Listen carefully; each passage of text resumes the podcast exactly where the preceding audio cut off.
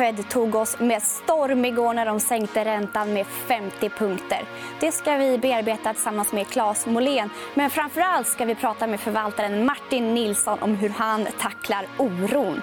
Det blir bland annat Sandvik, det blir Trelleborg och det blir fastigheter i dagens EFN-marknad.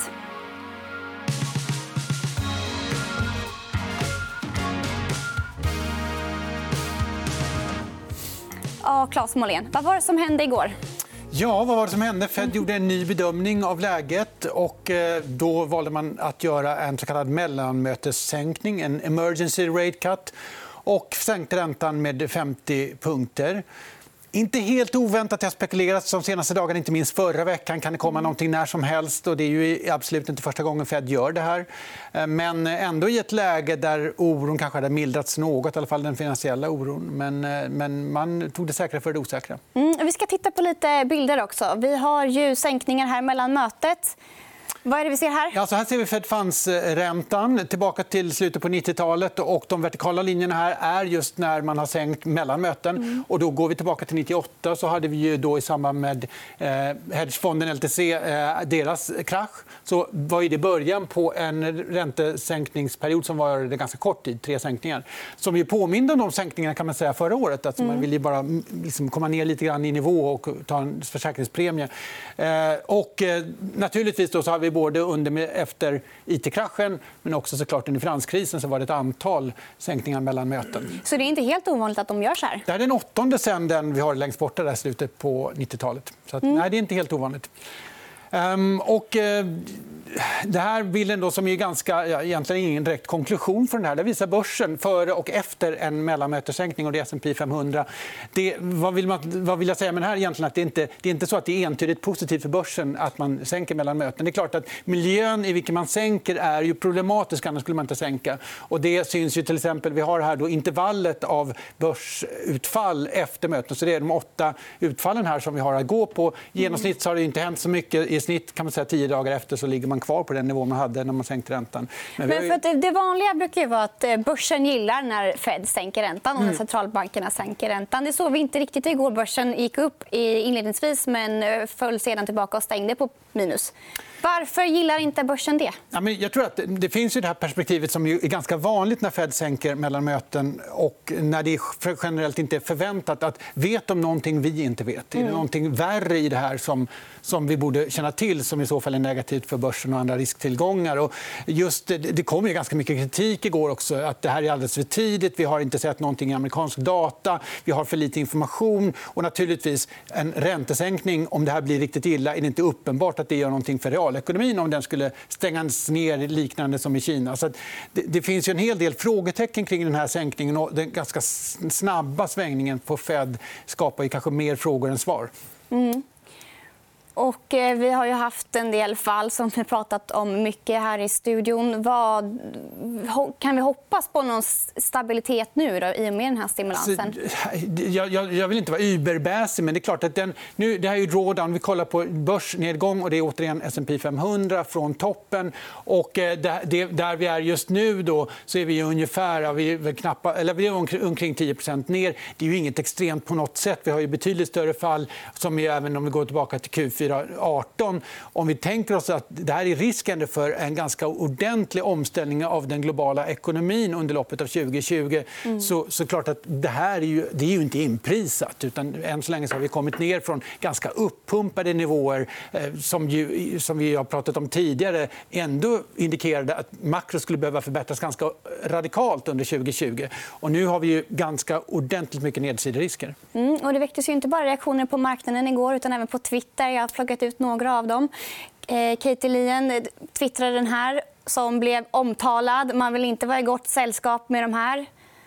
Ligger det någonting i det? Ja, men absolut. Och det är klart att Fed sänker inte utan anledning. Och man behöver inte lägga till att det kan finnas information som Fed har som inte vi har. för Det tror jag egentligen inte att det, det är fallet. Men, men, det är klart att det finns ju ett scenario här som ser betydligt mörkare ut än vad som i dagsläget ligger i priser. Mm. Och eh, så har det ju varit även historiskt. Man har sänkt och trott att det hjälper men så kommer det ännu mer dålig information som gör det stjälper snarare än att hjälpa. kanske. Andra röster säger Eka Lundin, säger men herregud.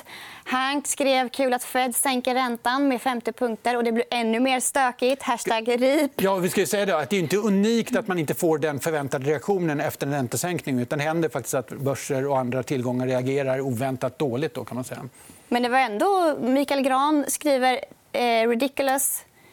Ole Kännerud skriver att det är sinnessjukt. Och Trump skriver more easing cutting. Kommer det mer, tror du? Ja, men, och det är klart att det här blir lite bekymmersamt. Vi hade omsvängningen eh, 19 med Fed, där ju Trump var extremt aggressiv. och Sen kommer Feds omsvängning. Det skapar ju ändå, eftersom Trump även inför det här var rätt tydlig med att han vill se räntesänkningen för Fed så kommer det räntesänkning. Så den här politiseringen av Fed som man kan oroa sig för den får inte mindre vind i seglen av, av den här typen av eh, händelser. Mm, intressant. Tack så mycket, Claes. Och jag ska gå och prata med Martin Nilsson.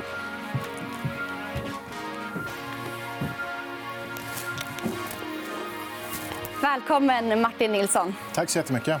Hur hanterar man det här? Hur tänker du som förvaltare? Nej, men det, är ju, vi, vi, eh, det är ju turbulenta tider. Eh, tittar man på det så... Eh, jag har varit med om nedställ tidigare av olika anledningar.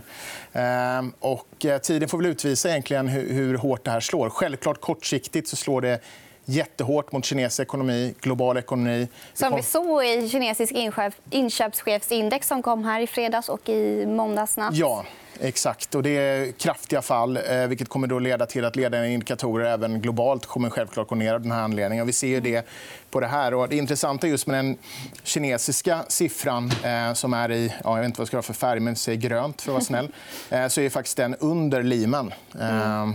Dock tror jag inte den globala kommer bli det. Därför att det här är mer just nu ett kinesiskt även om det blir ett globalt problem så är det väldigt fokuserat just på, på Kina. Men det är en mm. rejäl åtstramning. Det påverkar hela världen. Eh, påverkar egentligen varenda värdekedja som finns. Och det, det är oroande. Sen får tiden utvisa hur lång tid det här håller på. Mm, och, eh, oroande är det även på marknaden. Om vi tittar på eh, Fear and Greed-index så är det extrem rädsla nu.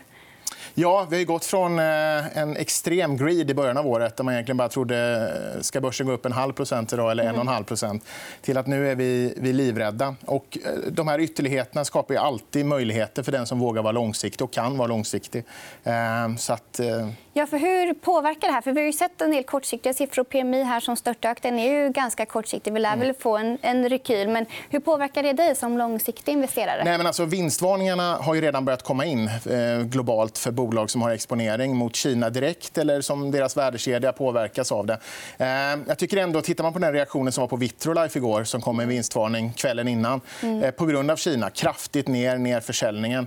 Eh, och aktien var upp 1,8 mm. Eh, då visar jag, aktien har kommit ner mycket innan den här vinstvarningen. Men det visar ändå att ja, det var inprisat. Investerarna förväntar sig en vinstvarning från det här bolaget. Den kom. Ja, och då kan man förhoppningsvis gå vidare. Tror du vi kommer få se mer eh, vinstvarningar? Ja, absolut. Jag menar, det, Kina är en tillväxtmotor i världen även om den eh, tillväxtmotorn kanske har hackat lite de senaste åren. Men det är extremt viktigt för eh, sto, stora som små bolag. Eh, både som försäljningsmarknad men också som för input i deras olika värdekedjor. Så det kommer komma mycket vinstvarningar. Mm, och det är såklart fortfarande lite tidigt att se om vi kommer få några längre effekter. Börjar du se några längre bestående problem för dina bolag? Nej, inte, inte i dagsläget. Eh, men eh, det får tiden utvisa. Och eh, vi vet inte vad det här tar vägen någonstans i, i, i dagsläget. Vad har du för strategi då? Du avvaktar bara? Eller köper du på dig mer om det kommer möjligheter? Nej, vi försöker hitta felprissättningar i marknaden. Saker som vi tycker antingen går ner för lite eller som går ner för mycket. försöker vi utnyttja den situationen för att göra bra affärer med ett långsiktigt perspektiv. Det är så mm. vi alltid gör. Vi ska ta ett exempel på det. Det är Sandvik som har tappat eh, värdering. Om man tittar på, jämför med Epiroc så har det kommit ner väldigt mycket värderingsmässigt. Ja, nu är väl värderingspremien i, eh, i Epiroc mot Sandvik nästan 50 och Det är liksom all time high. Mm. Eh, och bolagen håller på med eh, likvärdiga saker, i alla fall stora delar av dem. Eh, jag tycker den värderings... här, här skulle man, då, om man är en, en hedgefond, kunna gå lång Sandvik och kort Epiroc och ta bort marknadsrisken helt och bara förvänta sig att den här eh, spreaden går, i, går ihop mm. något. Eh, och då behöver man inte bry sig om hur marknaden går. Men jag tycker det här är en, eh, en ytterlighet. Sandvik kom ner ganska fort, 18 eh, i likhet med, med industrisektorn som ändå är beroende av Kina. Både för mm. input men också som försäljning. Och, eh, det, jag tycker det är, det är ett exempel på ett, en intressant möjlighet. Men kommer, Sandvik har, mycket, eh, har ju mycket försäljningsexponering mot Kina. Inte det, de, de har inte mest av alla bolag. Nej, nej absolut inte. Men kommer de kunna hämta hem sin produktion? Eller kommer... Nej, nej utan de, de får ju, de, de, får ju leva igenom det här precis som, som eh, andra bolag. Kanske så kan man sourca från andra delar. och Jag tror att alla söker och försöker hitta olika, olika sätt att komma runt när det gäller eh, värdekedjan. Men tittar man just på bolag som Sandvik eller som Trelleborg så, här, så är det ju ingen jätteexponering mot Kina kontra Nej, vissa Vi kan andra. väl titta på hur försäljningsexponeringen ser ut. Och där har vi ju Kone, som vi pratat om innan, är störst exponerade. Och, eh, Sandvik och Trelleborg ligger ju i eh, andra delen av Ja, och även Gänget. Epiroc ligger där. Men det är strax över 5 försäljningsexponering eh, på Sandvik, Trelle. Eh, som, som vi ser då Kone leder Mm. med, med nästan 30. Eh, så att, eh, Har ja. inte Atlas klarat sig oförtjänt bra i det här, den här oron med tanke på att de har så stor exponering mot Kina? Atlas klarar sig alltid bra, känns. Atlas är Atlas. Atlas är Atlas. Men om vi eh, pratar lite om Trelleborg, då, för det är ett annat case som du eh, ser att det finns möjligheter i. Trelleborg har kommit ner eh, likt Sandvik väldigt mycket under den här sättningen. Eh, till skillnad från Sandvik, Sandviks Q4-rapport tyckte jag var... Eller, eller senaste rapport tyckte jag var okej, men inte så mycket mer. Trelleborgs var ju fantastiskt. Aktien var ju faktiskt upp 15% den dagen de rapporterar. Och, eh, det är inte ofta man ser Trelleborg eh, gå upp så, så mycket. Eh, men jag tycker ändå att Trelleborg har en ganska begränsad exponering mot, mot, mot eh, Kina och en direkt, kan man väl säga. Indirekt kan vara lite större. Eh, men det är ett bolag som handlas på väldigt attraktiva multiplar på ett P tal som är över 10. Och visst, vi kommer se nedrevideringar rakt över linjen när det gäller de här bolagen. Eh, men till viss del tycker jag även det är diskonterat i, i, i dagens kurs. Och här ser vi nedgången på på bolagen. Och, eh, värt att notera att Veoneer är väl det som kom ner mest. Men det är också det bolaget som har mest ansträngd balansräkning av de här. Det har, ju, det har ju varit mycket oro i Veoneer också historiskt, eller de här senaste ett eller två åren. I alla fall. Ja, det, det, det är en sektor som har, har det tufft innan det här kom. Och jag menar, eh, med tanke på den diskussionen ni hade tidigare. Förhoppningen för det här året var ju faktiskt att vi skulle ha en återhämtning, att vi skulle se starkare tillväxt. Och nu blir det omvända. Så det är klart att allting kastas om just nu, hur folk ser på, på på 2020. Nu kommer ekon- ekonomin sakta in rejält globalt. Tillväxten blir lägre. Och det var inte det som marknaden förväntade sig. Utan marknaden förväntade sig bättre tillväxt och kanske till och med att räntorna skulle ticka upp. Och nu idag så har vi en tioåring i USA under 1 vilket aldrig har hänt tidigare. Så att, eh, ja. Allting faller, räntor faller. Då borde fastigheter gå upp. Ja, eh, fastigheter hade ju tufft också under det här eh, nedstället. Eh, Tittar man på, jag tror jag har en graf på det, man, man tittar på sektorn så, så har vi sektorn i, i lila och en tioårsränta i Sverige inverterat. Och vi var väl no ganska många, fastigheter är en fantastisk utveckling förra året. Men vi var många som grubblade rätt rejält när du såg svenska räntan stiga från oktober eh, på grund av den svenska räntehöjningen. Eh, och fastigheter fortsatte att performa väldigt bra. Nu har de här kommit ihop igen. Eh, ni ser lila har fallit ganska kraftigt. Och jag tror att hade man sagt innan det här fallet att fastigheter skulle vara en av de sämsta sektorerna så hade nog folk skruvat på sig med tanke på att ja, men räntan kommer att gå ner. Men det är också där folk har stora vinster. Det är där folk har mycket inbyggt. och Det är ganska lätt att kanske ta ner sin risk på det Är det sättet. lite som guldet? då? Det är där de har mycket pengar, så där kan man sälja av. Jag är ingen guldexpert på det sättet, men, eh, men eh, just i fastigheter tror jag det är så. Mm. Om vi sammanfattar lite, då, vart har vi våra möjligheter? Vi har möjligheter i bolag som har tappat lite för mycket, Mm. som Sandvik, Trelleborg.